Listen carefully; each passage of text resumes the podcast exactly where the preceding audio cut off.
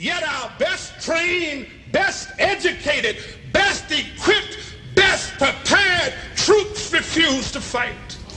Matter of fact, it's safe to say that they would rather switch than fight.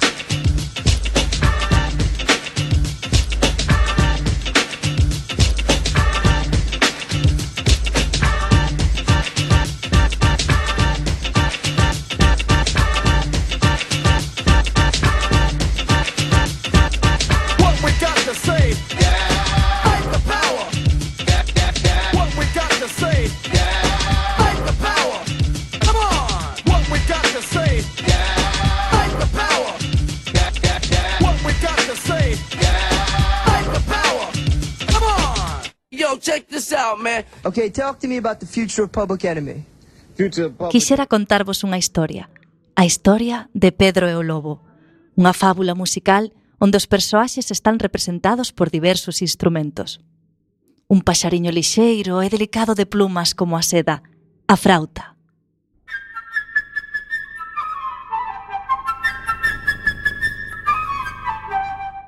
Un pato de pico ancho e palmípedos pés, o oboe.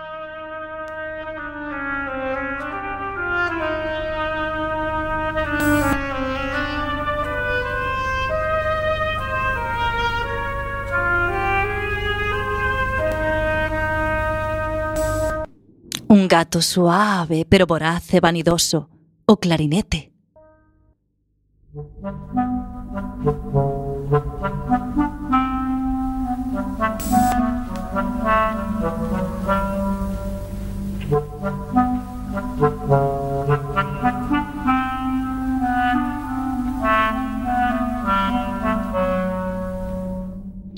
O sabio e bello avó, constantemente preocupado por Pedro, o fagot.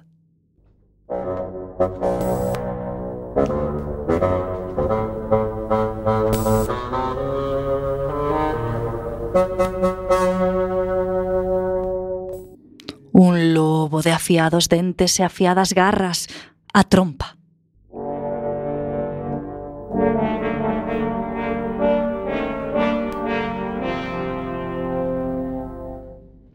Pedro, o heroe da nosa historia, tan importante que está representado por todos os instrumentos de corta da, da orquestra.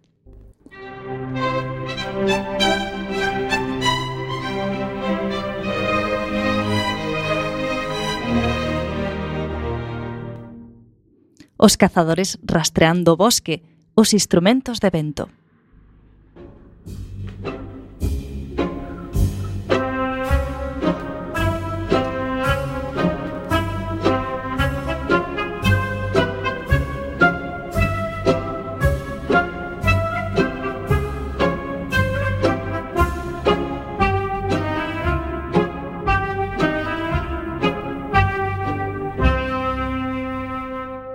As escopetas dos cazadores, os timbales.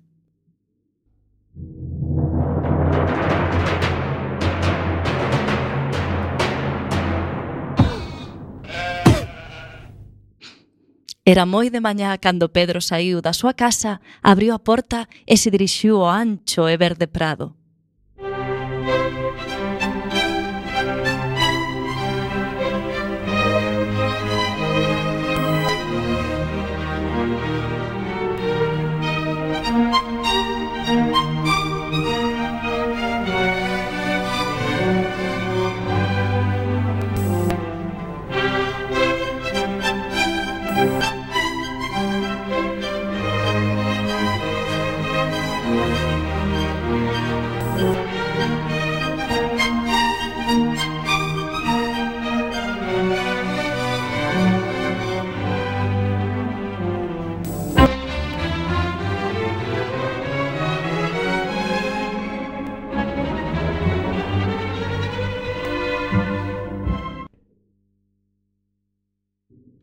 Na rama dun árbol enorme estaba un precioso paxariño amigo de Pedro. ¡Qué tranquilidade, ¡Qué tranquilidade!» dixo piando alegremente.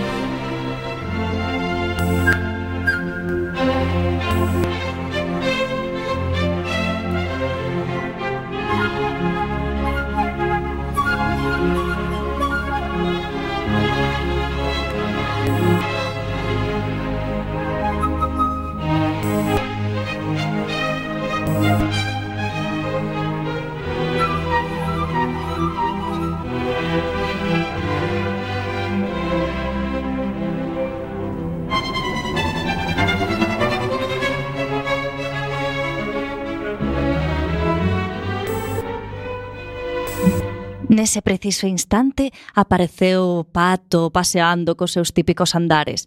Aledouse de que Pedro tivera deixado a porta aberta porque había un profundo estanque no prado e a él gustaba nadar.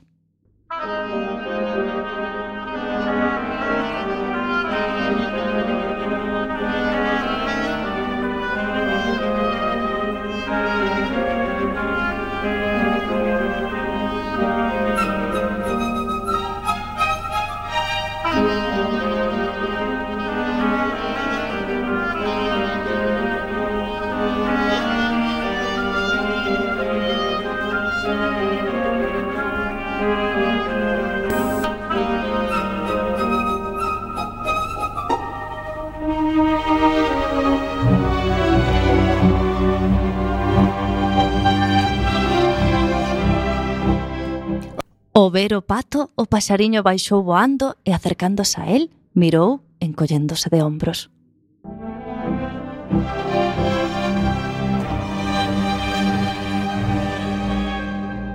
O paxariño, que era moi afable, dixo «Que clase de páxaro eres ti que non podes voar?» «Que clase de páxaro eres ti que non podes nadar?» respondeu o pato con desdén dito o cal zambulliuse presuntuosamente no estanque.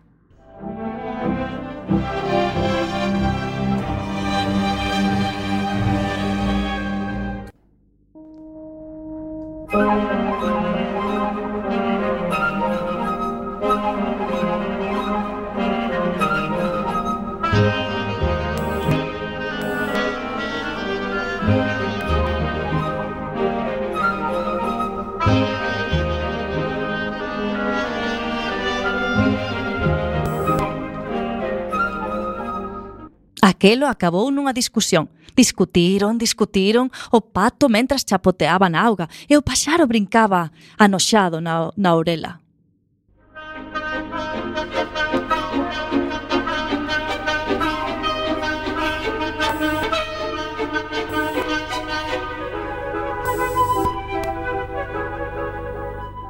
Naquel entre, algo atreva a atención de Pedro. Un gato. Un gato acechaba na erva.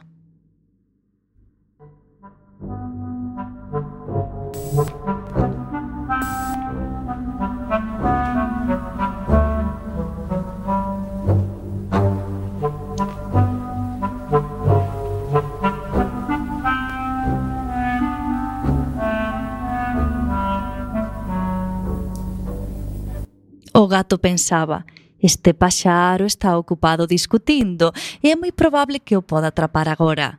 E foi arrastrando, preparando as súas aterciopeladas garras.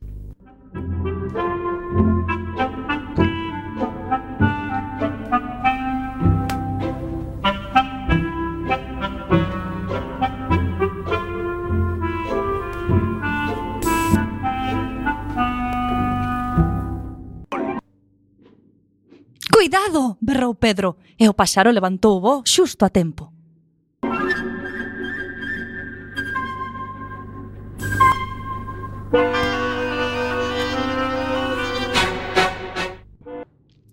Mentras o pato graznaba enfadado, o gatiño.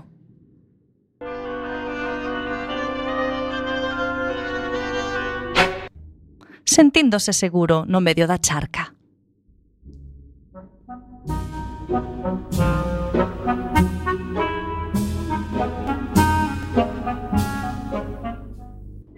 O gatiño paseaba arriba e abaixo observando o paxaro e pensaba Me pregunto si merece a pena trepar tan alto. Cando chegue ali o paxariño xa se terá escapado.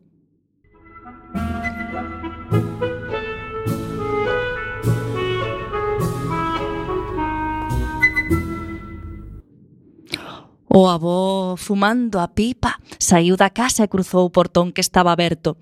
Non lle gustaba que Pedro entrase no prado. Non é un sitio axeitado para ti, é perigoso, e se ven un lobo, como te vas a apañar?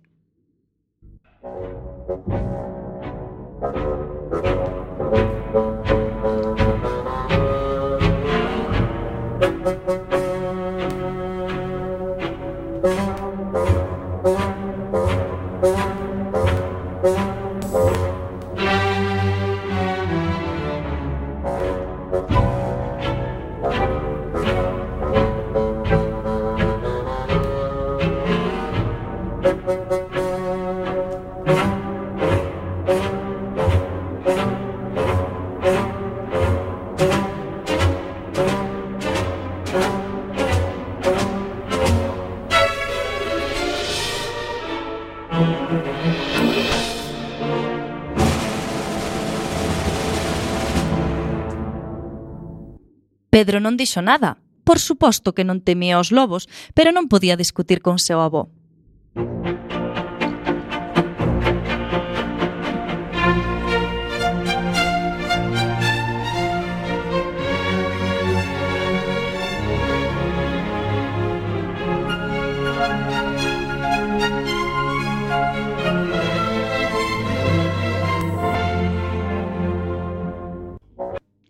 O avó colleu a Pedro da man, meteuno na casa e cerrou ben a porta.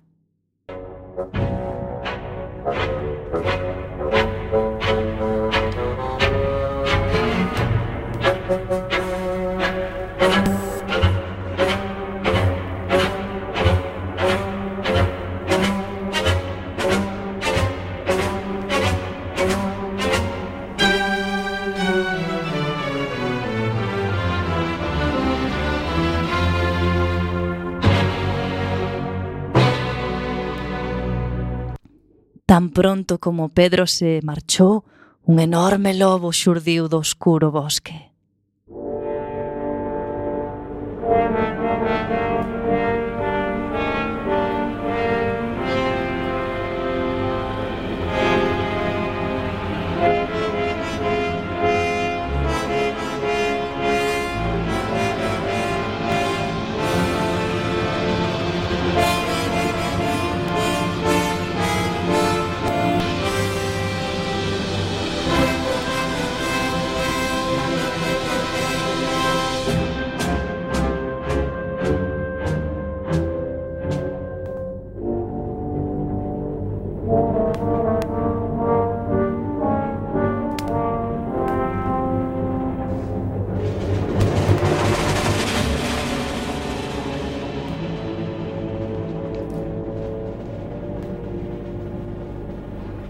O gato volveuse e viuno, En un segundo xa estaba subido a un árbol.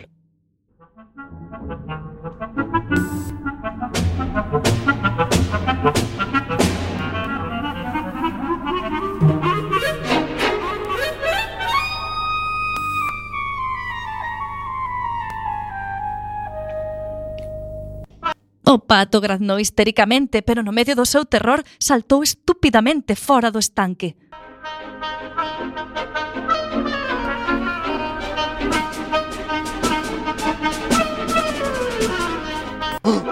O lobo viuno e abalanzouse como unha bala hacia el. Non importaba que rápido o pobre pato trataba de correr. Corría e corría, pero o lobo acercábase máis e máis hasta que o alcanzou.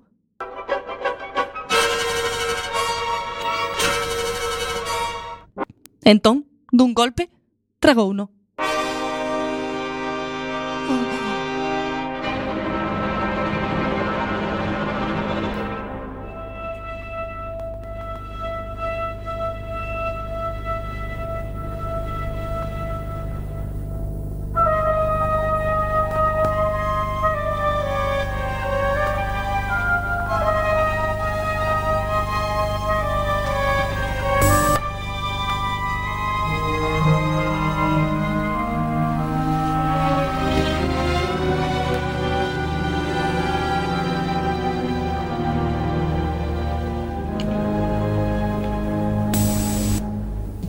As cousas estaban así. O gato subido nun árbol sentado nunha das polas.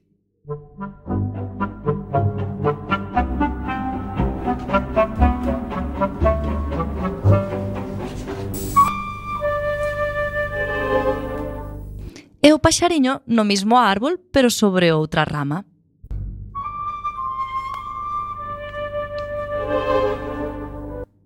e non demasiado cerca do gato, pois non había precisamente unha gran amizade entre eles.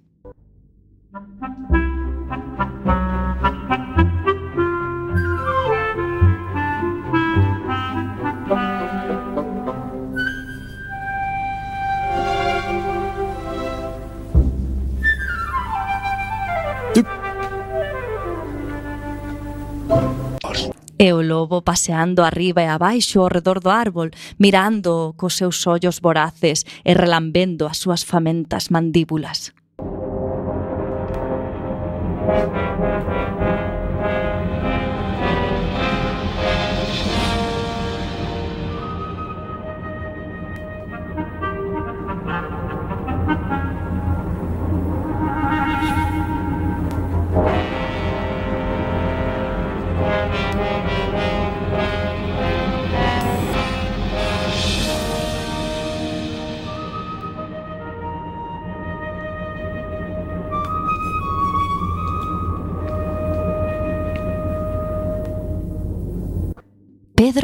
Contemplaba todo detrás da verxa.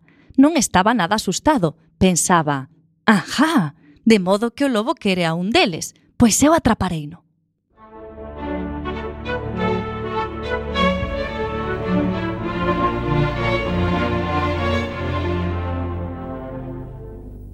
Correu á casa, buscou unha corda ben forte e ensaiou unha ou dúas rápidas lazadas. Saiu e sin ruido trepou a un muro de pedra.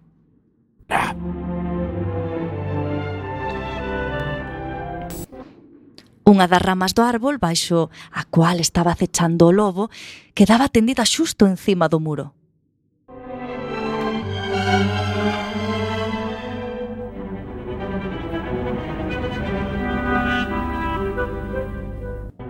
Agarrándose forte á rama,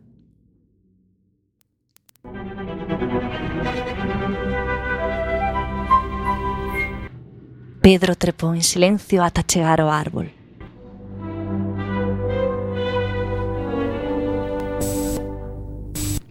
Pedro susurroulle o paxariño.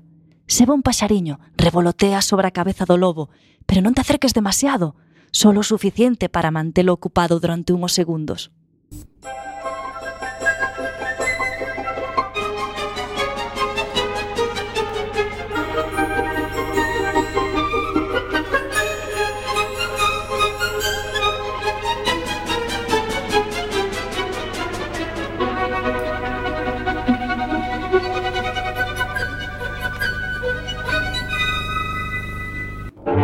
O pasariño obedeceu e voou sobre a cabeza do lobo casi tocándolle.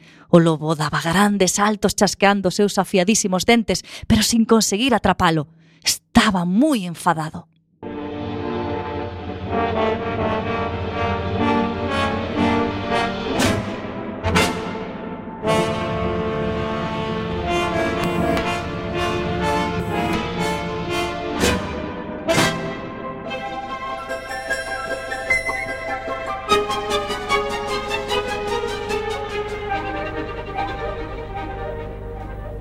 E así seguiron, o paxaro molestando o lobo e o lobo esforzándose por atrapalo, pero o paxaro era máis listo e o lobo non podía facer nada para remedialo.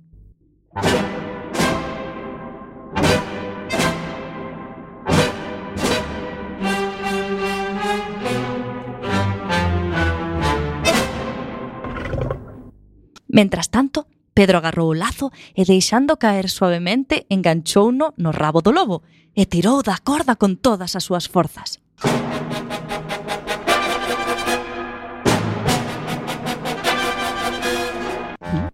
Ao saberse preso, o lobo empezou a saltar salvaxemente tratando de escapar.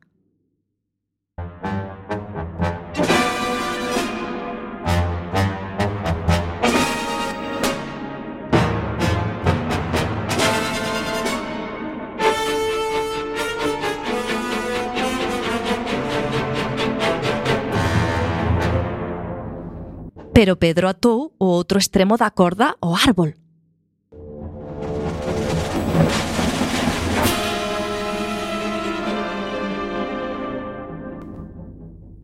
Canto máis se revolvía o lobo, máis apretaba o lazo na súa doente cola.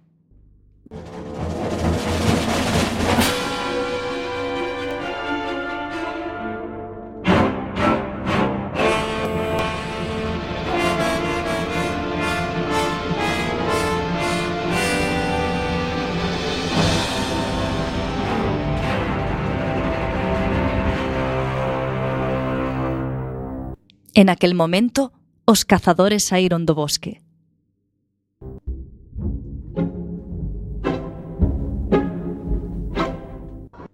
Estaban seguindo moi de cerca o rastro do lobo e disparando de cando en cando as súas escopetas.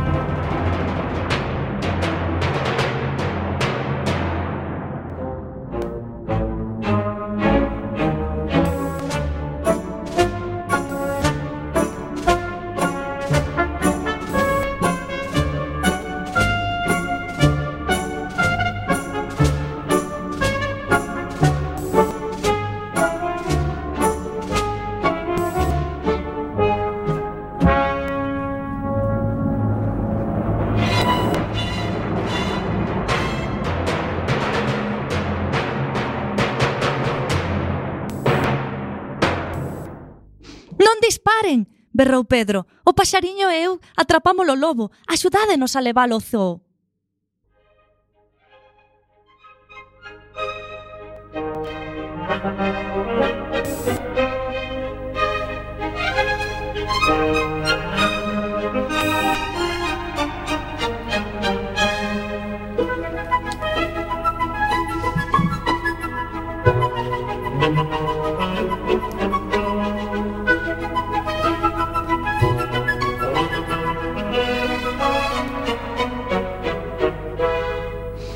Entón, figurade vos o cortexo triunfal.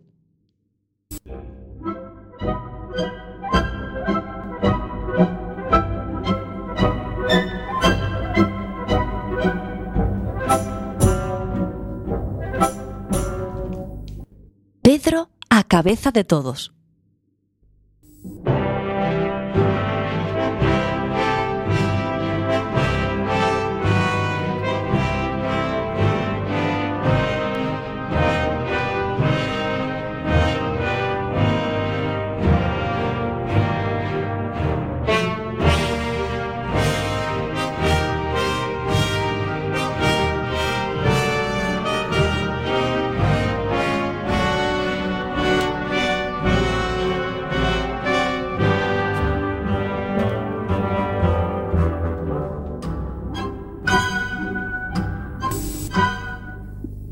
e tras del os cazadores conducían o lobo.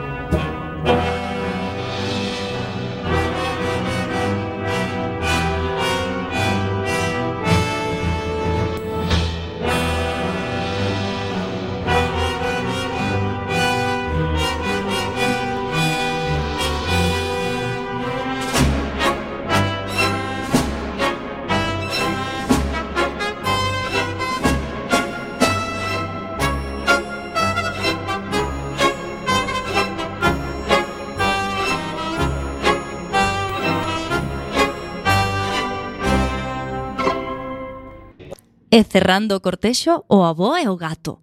O avó fumando a súa pipa e movendo fadadamente a cabeza, murmuraba. Ben, e se Pedro non tives atrapado o lobo, entonces que?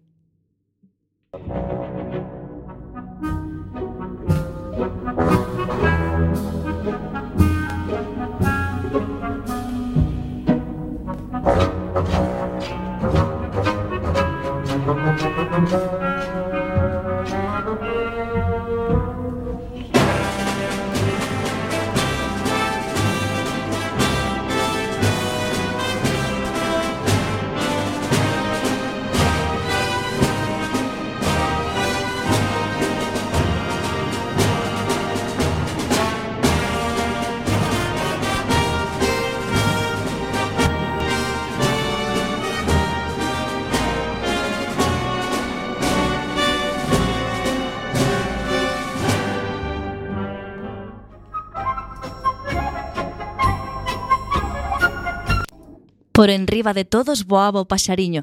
Sentíase orgulloso de si mesmo. Mirade o que Pedro e atrapamos.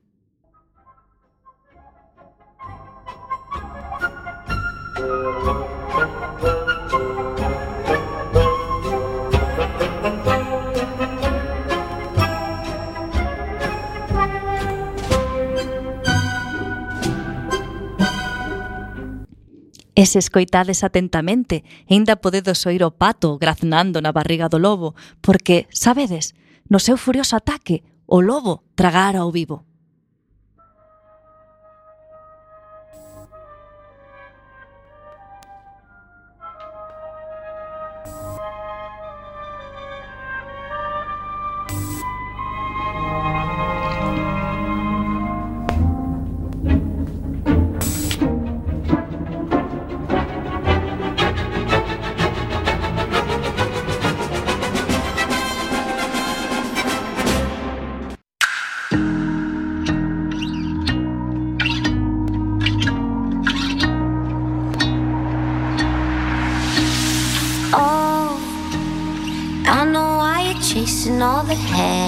lies.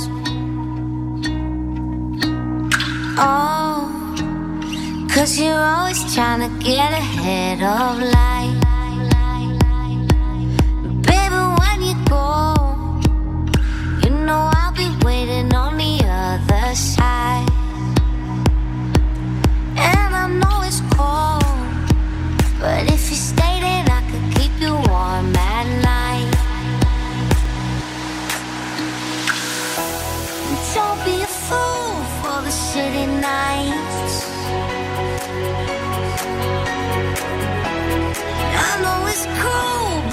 only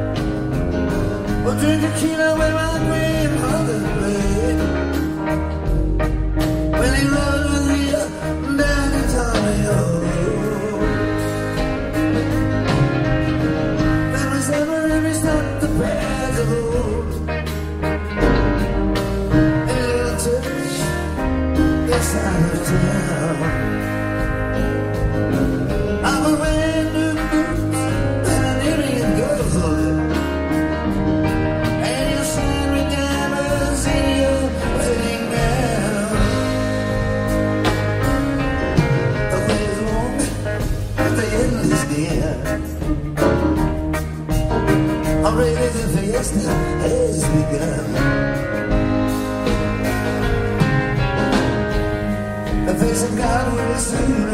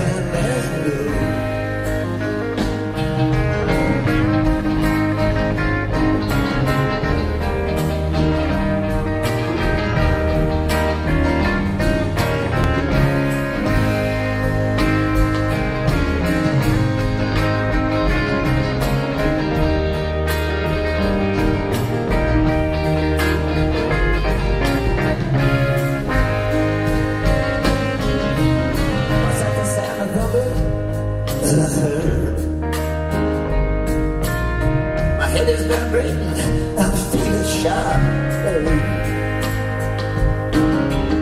I'm surviving now, don't say a word.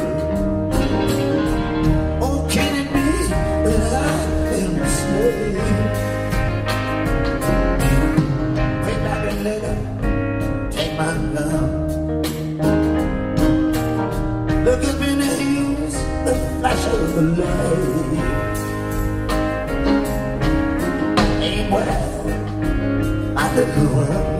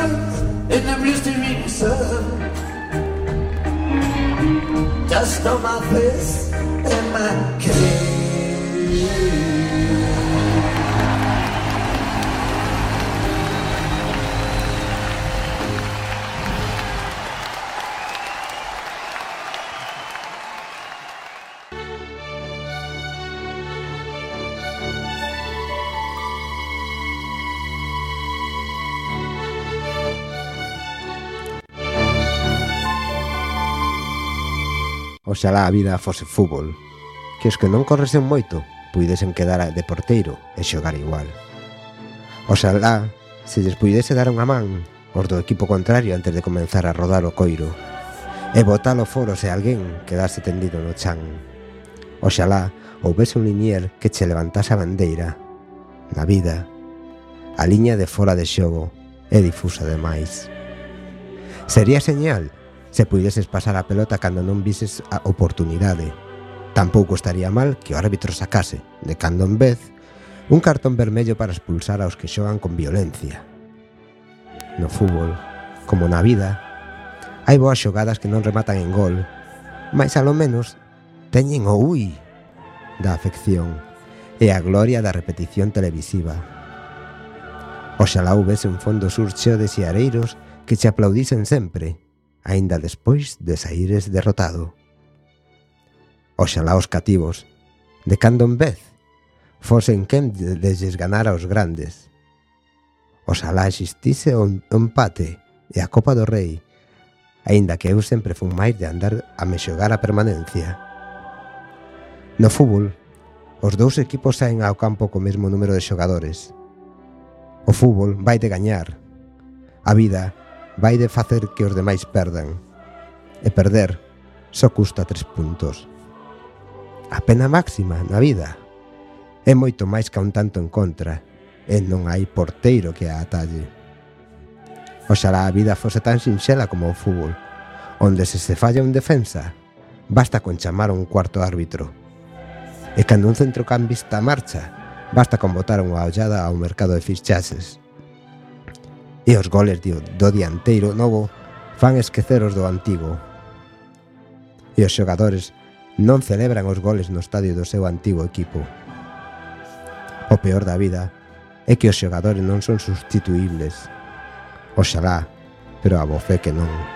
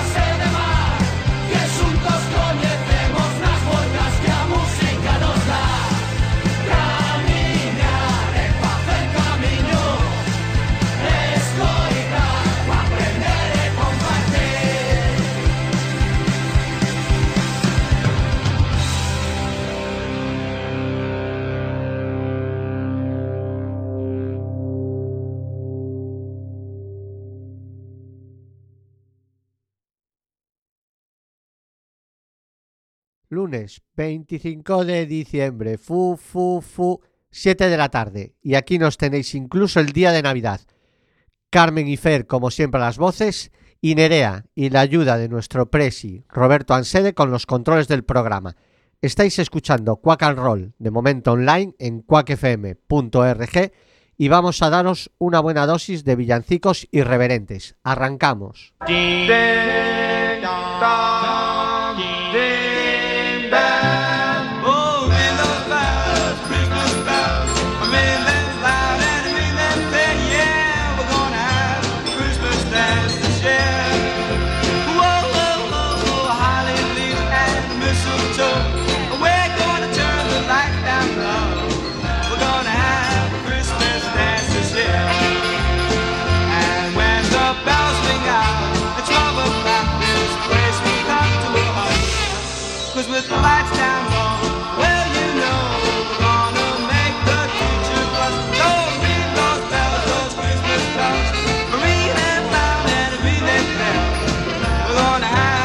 Christmas dances.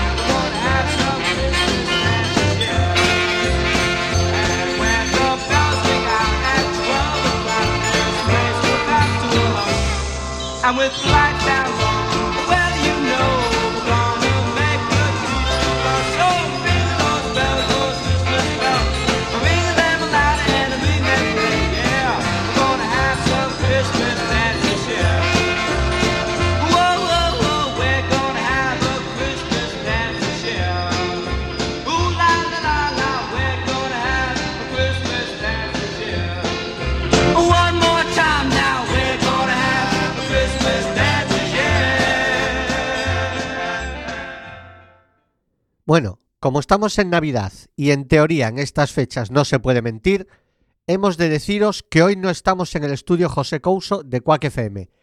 Este programa tiene más trampas que las declaraciones de Hacienda de Messi y Cristiano. Es más en diferido que la indemnización a Bárcenas defendida por la Cospedal.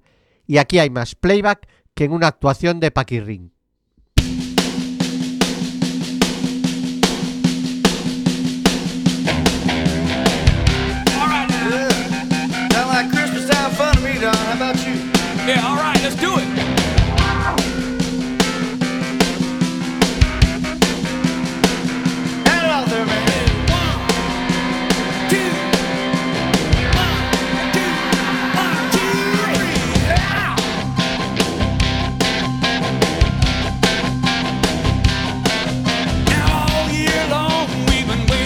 the season.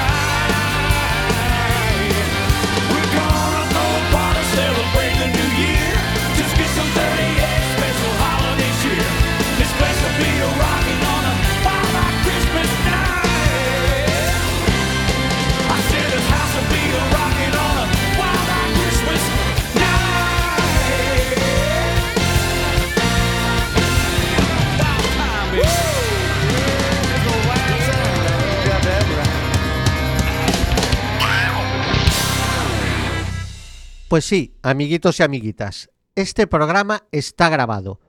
Nuestra idea era dejaros descansar, que tuvieseis una sobremesa tranquila después de una opípara comida de Navidad con la familia, suegros, cuñados. Pero ante la, influencia de peticiones que tuvieron Nerea y Carmen, de que estaría bien que hiciésemos el programa ya que después de la cena de Nochebuena y la comida del día de Navidad, esta serie de villancicos marchosos que ponemos despejaría la modorra, y así lo hicimos.